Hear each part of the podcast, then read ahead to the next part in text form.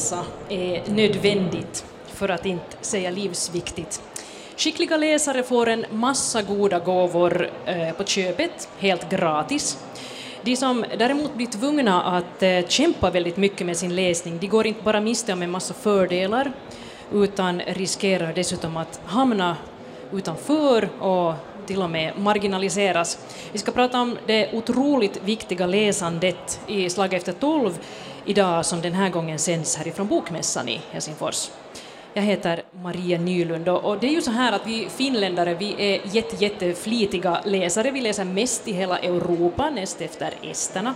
Men, eh, och det här mäts då genom att räkna hur många minuter vi använder eh, per dag på att läsa. Men samtidigt så är det överraskande många av oss som har väldigt svårt att eh, ta till oss längre texter för att nu inte tala om en hel bok. Det där, varför det är så här, vad det får för konsekvenser och vad vi kan göra åt den här saken, det ska vi alltså prata om här idag tillsammans med Birgit Schaffar. Välkommen. Tack. Du är universitetslektor i pedagogik vid Helsingfors universitet. Och så har vi Johanna von Rutenberg, välkommen. Tack. Du är teamledare och sakkunnig på LL Center. Det här LL det står väl för lättläst och ni jobbar med lättlästa texter. Och så har vi också Amanda Audaskas, välkommen. Tusen tack. Yes. kom mikrofonen, mikrofonen på också. Du är en av två finlandssvenska läsambassadörer och ni riktar er framförallt till skolelever och skolor, inspirerar till läsning. Det där om vi börjar med dig Amanda Audaskas, jag har, jag har hört en sån här inspirationsföreläsning med er här ganska nyligen och jag blev ganska imponerad av den här långa listan av fördelar som, som de får som är duktiga på att läsa. Berätta, vilka alla goda gåvor får de som läser mycket? Oh, det finns så otroligt många goda gåvor som man får om man är en läsare. Um, jag tycker att ordförråd är någonting som det pratas ganska mycket om och det är viktigt att vi pratar om det för att ordförråd är otroligt avgörande för vår möjlighet att förstå det samhälle som vi lever i. Ordförråd är också helt avgörande för vår egen förmåga att kommunicera vem vi är, vad vi tänker, vad vi tycker, vad vi känner. Det är en helt enkelt helt ovärderlig del av att vara människa. Så ordförråd är det ena. Sen idag så pratar vi också en hel del om läsningens betydelse för koncentrationsförmågan, som ju är också en väldigt viktig sak att kunna. Kan vi inte koncentrera oss så kan vi inte lära oss, vilket är hemskt besvärligt om vi hamnar i en sån situation. Människan idag har ju tyvärr en ganska arm koncentrationsförmåga. Den utmanas jättemycket av det samhälle vi lever i, där allt går väldigt snabbt och det händer väldigt mycket hela tiden. Och då fungerar läsningen nog som ett väldigt effektivt motgift och hjälper oss att lära oss att koncentrera oss, fokusera på det som faktiskt är viktigt. Sen utvecklar läsningen också kreativiteten, empatin, det finns så mycket. Det är bra för vår stresstålighet, det hjälper oss att lugna oss, vi blir friskare, gladare. Räknar bättre, kommer jag ihåg. Räknar bättre, ja. För det är samma del i hjärnan som vi använder när vi läser som när vi löser matematiska ekvationer. Mm. Så att eh, vill man göra reklam för läsningens många fördelar är det ganska lätt, för det finns så många saker man kan lyfta fram som är helt forsknings liksom, eviderad. No, berätta ännu helt kort, spelar det någon roll vad vi läser? Alltså, eh, måste man läsa nobelpristagare eller får man också någonting ut av att läsa Harlekin-romaner? Man får någonting ut av att läsa vad som helst, men inte tänker jag heller sticka under stol med att det är klart att det är lite skillnad. Vissa typer av texter ger vissa saker, andra typer av texter ger andra saker. Men all läsning är bra läsning idag kommer ihåg när jag själv var barn så fanns det ju många vuxna som tyckte att man inte skulle läsa Kalle Anka. Nu har vi ganska många vuxna som skulle slänga Kalle Ankor på sina barn bara de skulle läsa ens det. Så att den, den diskussionen har nog förändrats på en ganska kort tid ganska mycket. Mm, just det. No, men det där överraskande många av oss har ändå eh, stora svårigheter med att, att ta till oss längre texter. Johanna von Rutenberg, du, du berättade för mig att man räknar med att 750 000 finländare är så pass svaga läsare att, att de behöver lättlästa texter. Vad betyder det att man är en svag läsare? Jo, i det här fallet betyder det just att man inte kan ta till sig texter på allmänspråk, eh, varken längre eller ens kortare om de är för svåra. Det betyder att man helt enkelt inte kan förstå information eh, om man inte får den i en lättare form, det vill säga så att texten inte bara är kortare utan också eh, har lättare ord, lättare språklig uppbyggnad och att innehållet också är anpassat för de här läsarna. No, vad vet man, vem är de här 750 000 finländarna? För det är en ganska jättestor grupp, tycker jag. Det är en stor och det är en bred grupp. Det kan handla om folk som av en eh, medfödd orsak behöver lättspråk. Det är till exempel eh, människor med intellektuell funktionsnedsättning eh, eller dysfasi, ADHD. Också en del dyslektiker kan behöva lättläst. Eller sen är det människor som har en orsak som har uppstått senare i livet, till exempel en minnessjukdom. Och då kan det ju handla om folk som har läst väldigt mycket hela livet men, men helt enkelt inte mera har den förmågan senare.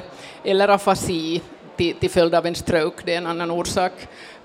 Och sen som tredje stora grupp så finns de som inte har svenska eller finska som modersmål.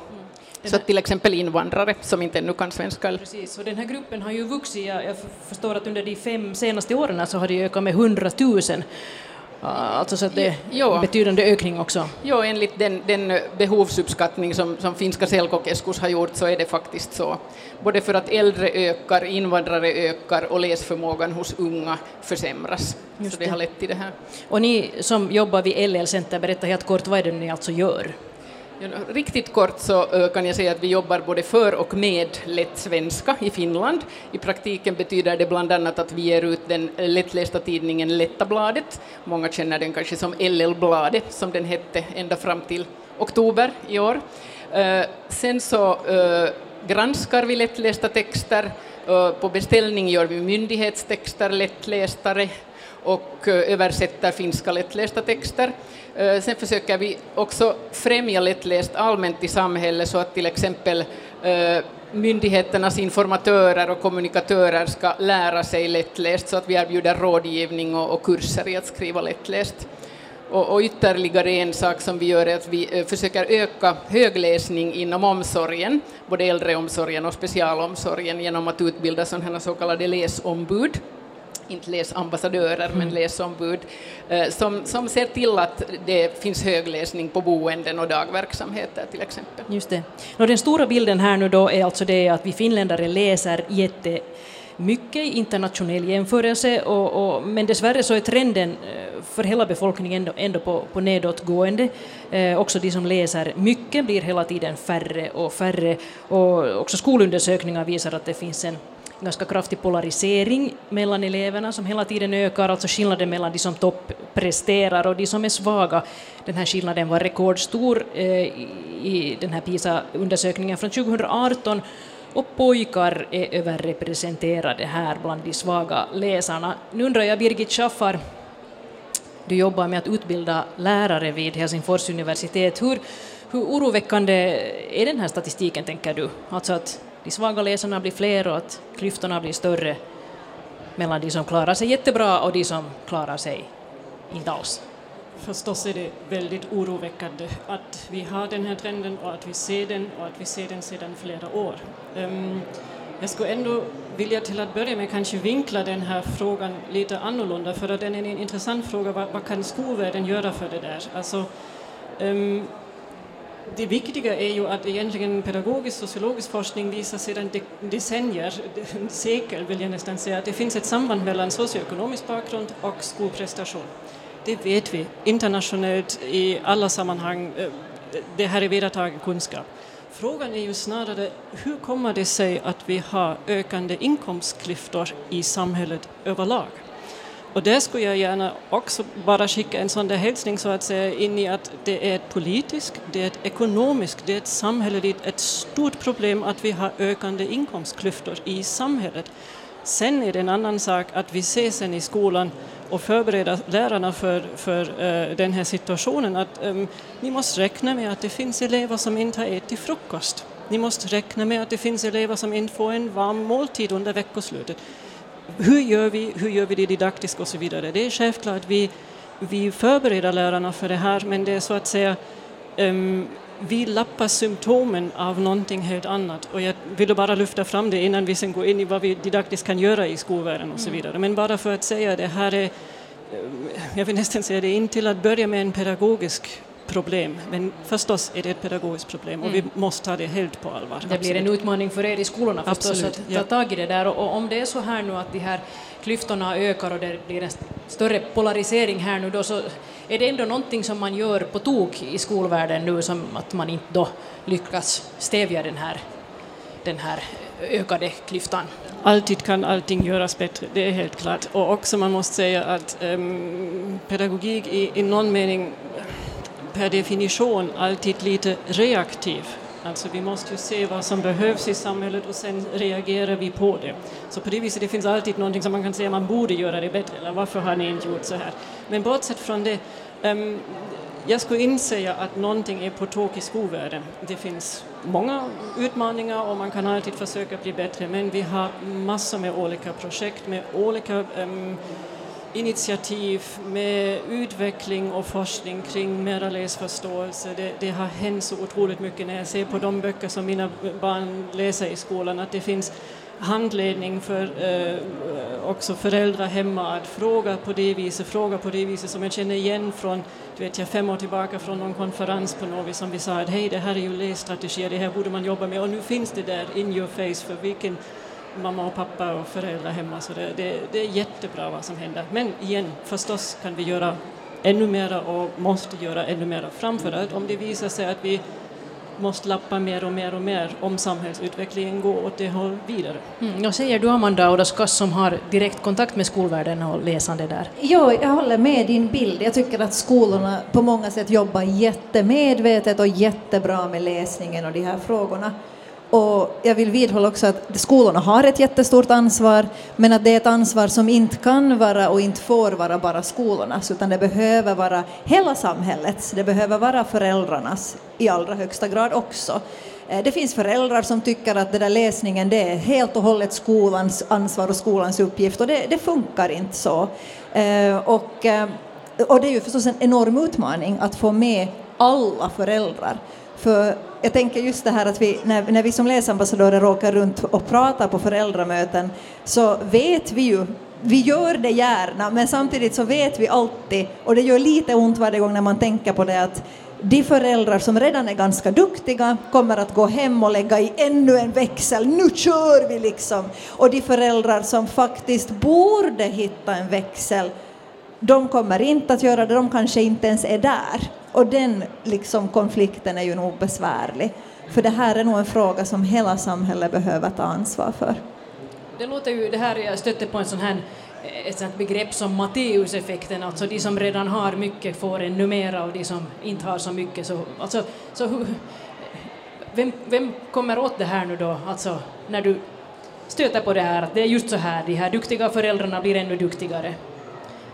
Så, vad, Uh, jag vet, alltså jag har ibland funderat, jag tycker att man som förälder jag har tänkt ganska mycket på det här med att man får gå jättemycket på rådgivning när man har små, små barn. Men sen i något skede så blir man ju ganska ensam i sitt föräldraskap och ibland har jag tänkt det där att det skulle kanske vara bra att folk skulle ha lite mer koll på familjer utan att det behöver vara så där att ni har helt flippa. För det är ju också jättejobbigt om det är så att det är hemskt eh, hemskt problematiska fall bara som får hjälp och stöd. Att jag kan nog tycka att eh, man, jag ska också kunna gå till rådgivning som förälder till min nioåring och fundera kanske på läsning, kanske på andra frågor. Eh, för det, det, är så många frågor man ska bolla som förälder idag och man är ganska ensam med de där frågorna sist och slutligen. Mm, just det, rådgivning i lite högre åldrar också. Rådgivning 3.0 liksom. Precis. Nej, men skoleleverna de växer sen upp och så blir de vuxna Eh, vad tänker du Johanna Rutenberg om den här stora gruppen vuxna som har svaga läskunskaper? Alltså, vad, vad får det för konsekvenser för, för dem att de är svaga läsare? Det är klart att det får jättestora konsekvenser. Alltså läsning är ju en, en viktig del av ens liv, både arbete, studier och fritid och allt påverkas ju av om man kan läsa eller inte. Och i allra högsta grad i dagens läge när det mesta är digitaliserat och man inte ens kan få service någon annan väg på något annat sätt än genom att läsa det. Eh, så, så det har jättestora konsekvenser för hur man kan vara delaktig i samhället överhuvudtaget att nu blir man utanför om man, om man har, inte har tillgång till, till sådana texter som man kan förstå. Så ett hur stort problem är det här, tänker du? Jag tycker att det är ett jättestort problem om en så stor andel som, som alltså över 10 procent av hela Finlands befolkning eh, inte kan ta till sig information som de behöver för att sköta sin egen vardag och, och sköta sina ärenden och, och, och, kunna verka i samhället. Eh, och de facto så eh, lär det vara så att ganska många av dem som sitter i våra fängelser idag har lässvårigheter av någon form. Så det tyder ju nog på att alltså risken att bli marginaliserad om man inte har tillgång till information som man förstår, så den är ganska stor. Mm. Vad tänker du Birgit Schaffer om det här, alltså ett hur stort jämlikhetsproblem är det? Jag håller helt med. Alltså det, demokratin är så svag eller så stark som alla medlemmar är, sist och slutligen. Alltså om vi har en ökande svagare länk, sen har vi också problem med demokratin. Och det är någonting som vi, egentligen inte vill, eller det var på det viset också som jag sa här tidigare, alltså det här är ett samhälleligt problem som, som vi måste backa upp med all kraft som vi kan ha. Alltså, jag tänkte här på det här med ordförrådet egentligen, att nu var jag också på det viset som förälder på många sådana eh, tillfällen där det just betonades att, sen vet jag nu, de här siffrorna med, om du läser 15 minuter med ditt barn varje dag, sen kan vi se en skillnad på hur många ord sen barnet har, i vilka åldrar och så vidare. Um, bortsett från att det här är ju viktigt i sig att ha ett stort ordförråd, tycker jag att man borde betona varför det egentligen är så otroligt viktigt att vi har nuanserat språk. Och där tänkte jag så där inför den här diskussionen att det, det är så viktigt att vi um, kan namnge olika företeelser i samhället men också helt enkelt i min omgivning som jag förnimmer så nuanserat som möjligt. Och därifrån nämligen får vi ett läsbegrepp som är lite ytterligare större än vi kanske hittills har. Um, nämligen också att där har vi en handlingsberedskap i de här olika begreppen. Jag hade eh, tänkt på ett sådant exempel när jag ser på gatan någon som faller Sen kan jag säga att någon faller, eller jag kan säga att någon halkar, eller snubblar, eller blir medvetslös. Och alla dessa ord beskriver samma företeelse, men betyder helt olika saker. För att, och det viktiga här är till att börja med att de, vad jag spontant ser och hur jag uttrycker mig med de olika ord som jag använder, de kräver av mig lite olika vidare handlingar. Om det är halt ska jag sanda eller eh, kolla om eh, tomtägaren på något vis är ansvarig för det där. När någon snubblar är det tydligen inte tomtägaren som har fel eller har gjort någonting utan någonting har hänt här. Om någon blir medvetslös borde jag inte tänka på att hur sandar jag äh, marken utan snarare jag borde ringa ambulansen. Det är alltså vad jag ser, hur jag uttrycker mig i de här nuanserna ger mig olika handlings Eh, optioner och också kräva av mig olika saker. Om vi nu kommer från det här exemplet till lite mer kanske känsliga demokratiska sådana. Det är en skillnad om vi talar om skatteplanering eller skatteflykt. Det är en skillnad om vi talar, jag pluggade hissa med min pojke förra veckan, eh, det är en skillnad om vi talar om en frihetskamp eller om en revolution eller om händelserna 1918. Och alla dessa beskrivningar är meningsfulla och vi måste förstå att de alla innebär sen olika vidare politiska samhälleliga konsekvenser. Så det är otroligt viktigt att vi har ett nuanserat språk där vi uttrycker med varandra vad vi ser och kan på det viset eh, också fundera med varandra. Vad vill vi göra vidare? För det är just det här demokratiska uppdraget att alla ska vara med och fundera kring vad är det viktiga nu att gå vidare och inte bara ta information, tolka information. Det är redan väldigt viktigt, men jag måste kunna bidra med mitt perspektiv. Även mitt marginaliserade perspektiv måste jag få en röst för. Och det är så otroligt viktigt, varför vi måste komma vidare att bli meningsseende eh, medlemmar i, i vårt samhälle. Och för det behöver vi så många, många nyanser som vi bara kan komma med. Jag jobbade tidigare som gymnasielärare och jag kommer ihåg att i samtal med, med mina studerande så var det en elev en gång som frågade men varför kan inte bara varför kan inte bara tidningstexterna vara enklare? Att varför måste de förklara så svårt med politik och så här? Eh, och vi landar på något sätt i den här diskussionen i att, att det är komplicerade saker. Och ska man liksom förenkla allt allting hela tiden så blir det just det, då kan vi till sist bara falla på gatan för att vi kan inte använda några andra ord. Och då får vi ju inte heller liksom den verkliga bilden alla gånger utan vi får en så för, kraftigt förenklad version. Och det här är ju förstås en jättestor utmaning tänker jag då för dig som jobbar just med att förenkla utan att det blir fel eller förenklat så att man inte mer har liksom sanna berättelser om verkligheten. Det stämmer, det är en stor utmaning. Det är alltså inte lätt att formulera saker lätt. Däremot så tror jag att det är jätteviktigt att tänka på att eh, det är bättre att man förstår någonting än ingenting alls. Att om man tänker att precis allt måste finnas med, var evigaste en detalj, så leder det antagligen till att en svagläsare aldrig ens tar tag i den texten överhuvudtaget, och det vill säga inte alls får någon information. Så, så man måste helt enkelt tänka att, att det är bättre, bättre med en lättläst version där kanske vissa nyanser och detaljer saknas. Mm. Vi har då alltså en stor befolkningsgrupp här nu då som, som, som riskerar att hamna utanför, har svårt att vara eh, en fullvärdig delaktig medlem här i vårt eh, gemensamma samhälle. Så eh, vad ska vi alltså göra åt det här nu då, Amanda Audaskas? Är det realistiskt att lyfta, att lyfta alla svaga läsare upp ur den här gropen av att vara en svag läsare? Ja, alltså jag realistisk, det är så tråkigt att vara realistisk på något sätt. Jag, jag, tänker att jag skulle inte kunna göra det jobb jag gör om inte jag skulle vara lite idealistisk. Så jag måste nog svara att ja, det är möjligt.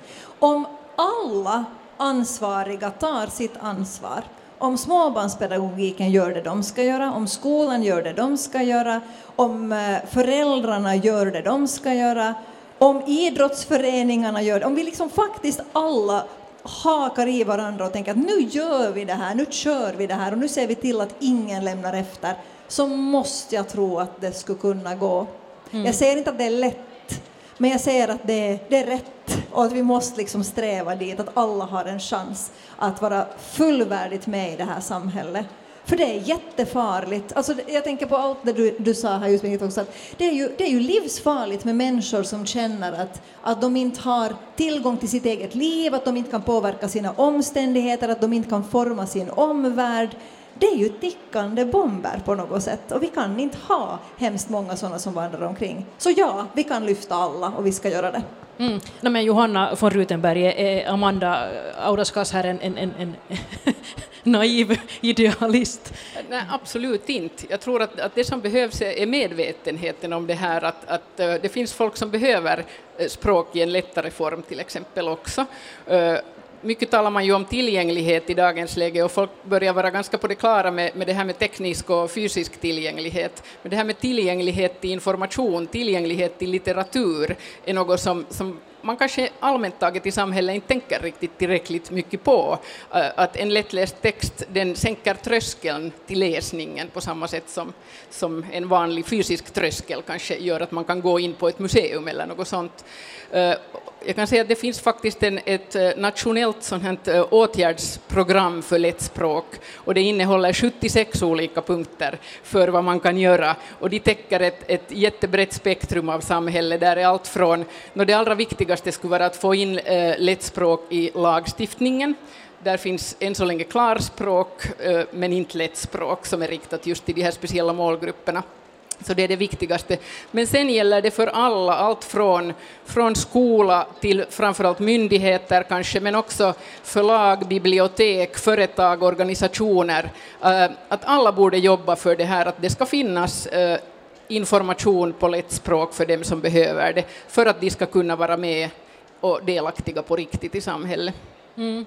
Jag talade med en bibliotekschef här inför den här diskussionen som berättade att Sverige är långt före oss eh, när det gäller just att fånga upp och, och det där, sätta in stödåtgärder, stödåtgärder för svaga läsare och, och, det där, och att man också är ganska flitig med att ge ut skönlitteratur också eh, på, på lätt lättläst skönlitteratur i Sverige. Eh, och det där, eh, men att här har man inte riktigt kommit så långt, eller hur Johanna von Rutenberg? Alltså hur ser det ut i Svenskfinland med lättläst skönlitteratur som en, som du säger, eh, lågtröskel ingång till att börja läsa?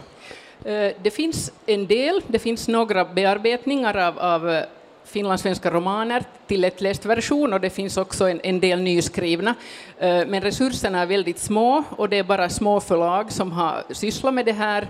Eh, och eh, det vi verkligen önskar är att också de större förlagen skulle få upp ögonen för det, och våra författare i svensk Finland, eh, att de skulle få upp ögonen för att eh, det här är någonting som är viktigt och, och, och, på något sätt veta vem det är som behöver det och varför det skulle vara viktigt att skriva också lättlästa böcker.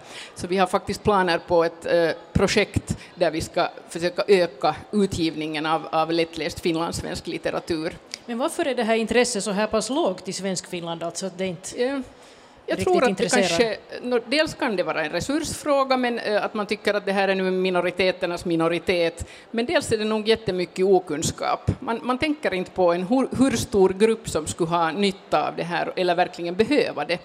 Eh, så, så det, finns, eh, det, det finns mycket nog att göra när man tänker på att sprida information till, till både just förlag och författare om det här, mm. den här målgruppen och den här genren. Nu kan det också handla om attityder här, för att det där, eh, samma bibliotekschef konstaterar att det har skett väldigt mycket inom biblioteken också under de senaste tio åren. Alltså att tidigare var det ett självändamål att biblioteken köpte in så att säga smala, svåra böcker som man visste att ingen kommer att låna, men att det var bibliotekens uppgift att erbjuda ja. det här, eh, medan man nu har gått in för att till exempel deckare är värda att, att köpa mm. in eh, gränsen gick vid Harlekin-romanerna, just det får man skaffa själv. Men att det där, alltså är det en attitydfråga? Ja, det, det, tror jag, och där ser jag absolut ljust på situationen, för jag tror att det finns, finns nog redan en större medvetenhet och den ökar hela tiden. Och förut kunde vi faktiskt stöta på sådana här attityder, att hur kan man göra så där med en fin bok, att man förstör den och gör den till en lättläst version, att det är alldeles förfärligt.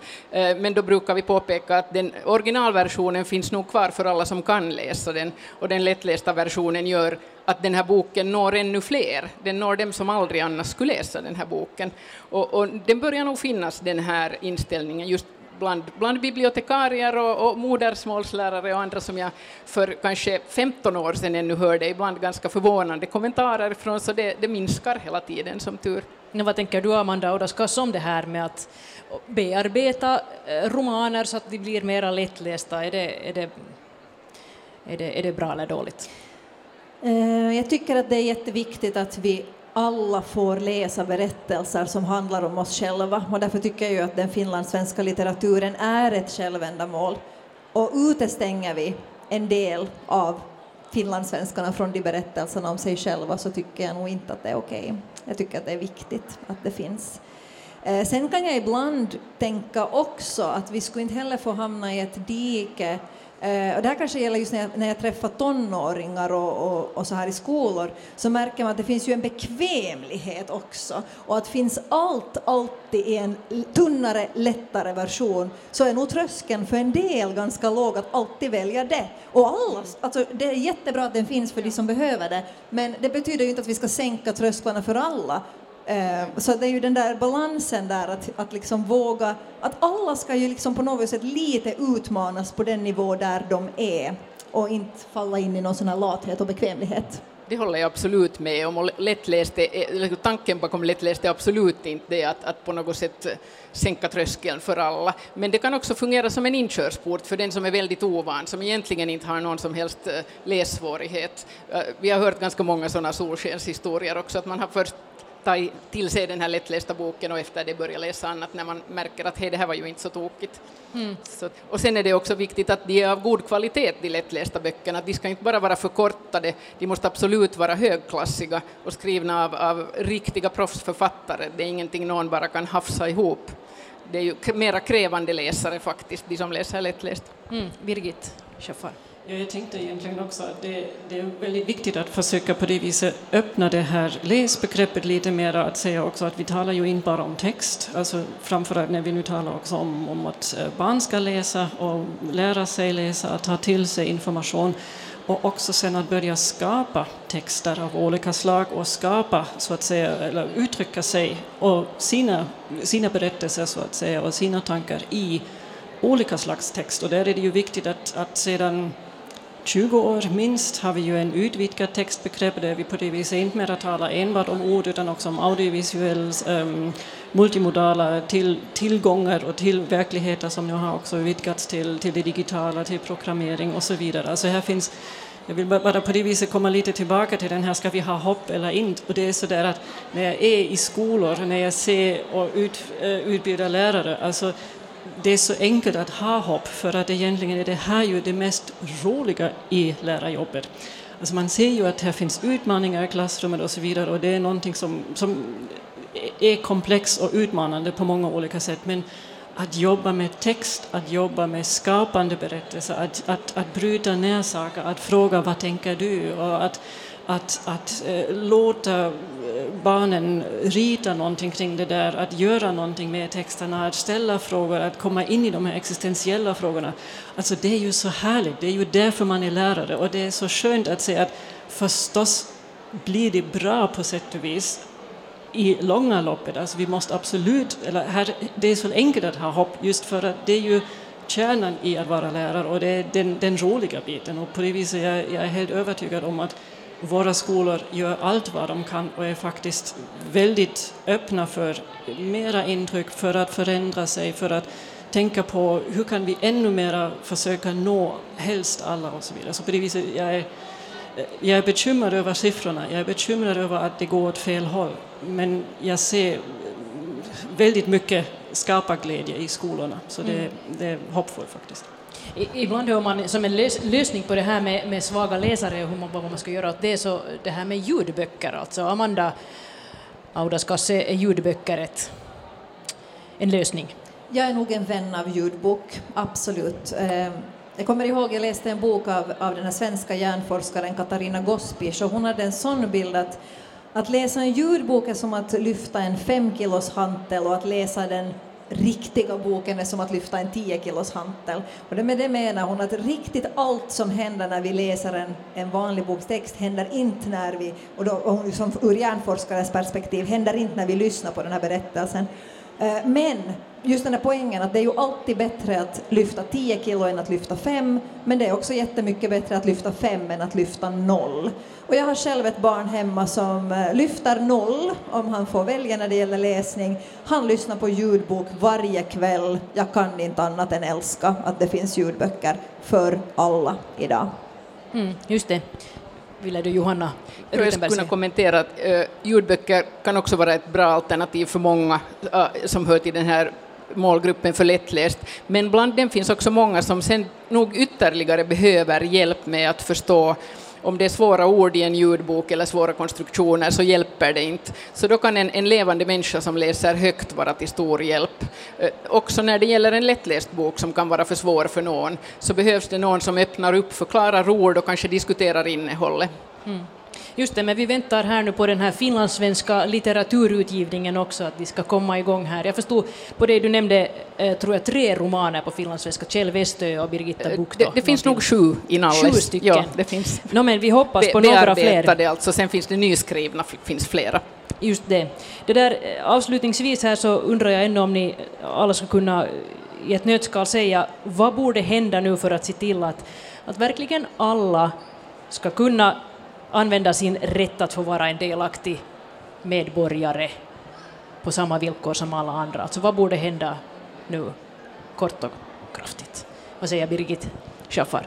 Jag vill faktiskt bara komma tillbaka till att det här är ett samhälleligt problem och vi måste minska på inkomstskillnaderna. Vi måste minska på barnfattigdomen och vi i skolorna gör vad vi kan för att didaktiskt fånga upp och vi fångar upp det värsta, vi kan lappa det första hjälp, det andra hjälp, det kanske till och med tredje hjälp som vi kan göra i skolorna. Men det här är ett mycket större problem, framför om vi ser läsningen som en grund till demokratifrågor. Mm. Och helt kort Johanna von Rutenberg, vad skulle du hoppas att Uh, no, jag, hoppas, jag hoppas nog på att lättspråk ska uh, få en plats i, i, lagstiftningen i Finland, så att det blir en självklarhet på det sättet, men, men också att medvetenheten ökar överlag inom inom alla, alla ö, områden i, i samhället. Att det finns en jättestor grupp som, som behöver lättare språk och att det är jätteviktigt just för demokratin och för att alla ska vara med. Mm. Och Amanda Audaskas, helt kort. Eh, igen att, fler, att vi alla bär sitt ansvar, fler vuxna läsande förebilder i alla åldrar för alla människor. Mm. Här avslutar vi dagens eh, Slaget efter tolv som idag sändes direkt från Bokmässan i Helsingfors. Tack till dig Amanda Audaskas, läsambassadör. Tack till dig eh, Johanna von Rutenberg från Lättläst Center. Tack. Och tack till dig Birgit Schaffar, universitetslektor i pedagogik från Helsingfors universitet och jag heter Maria Nylund.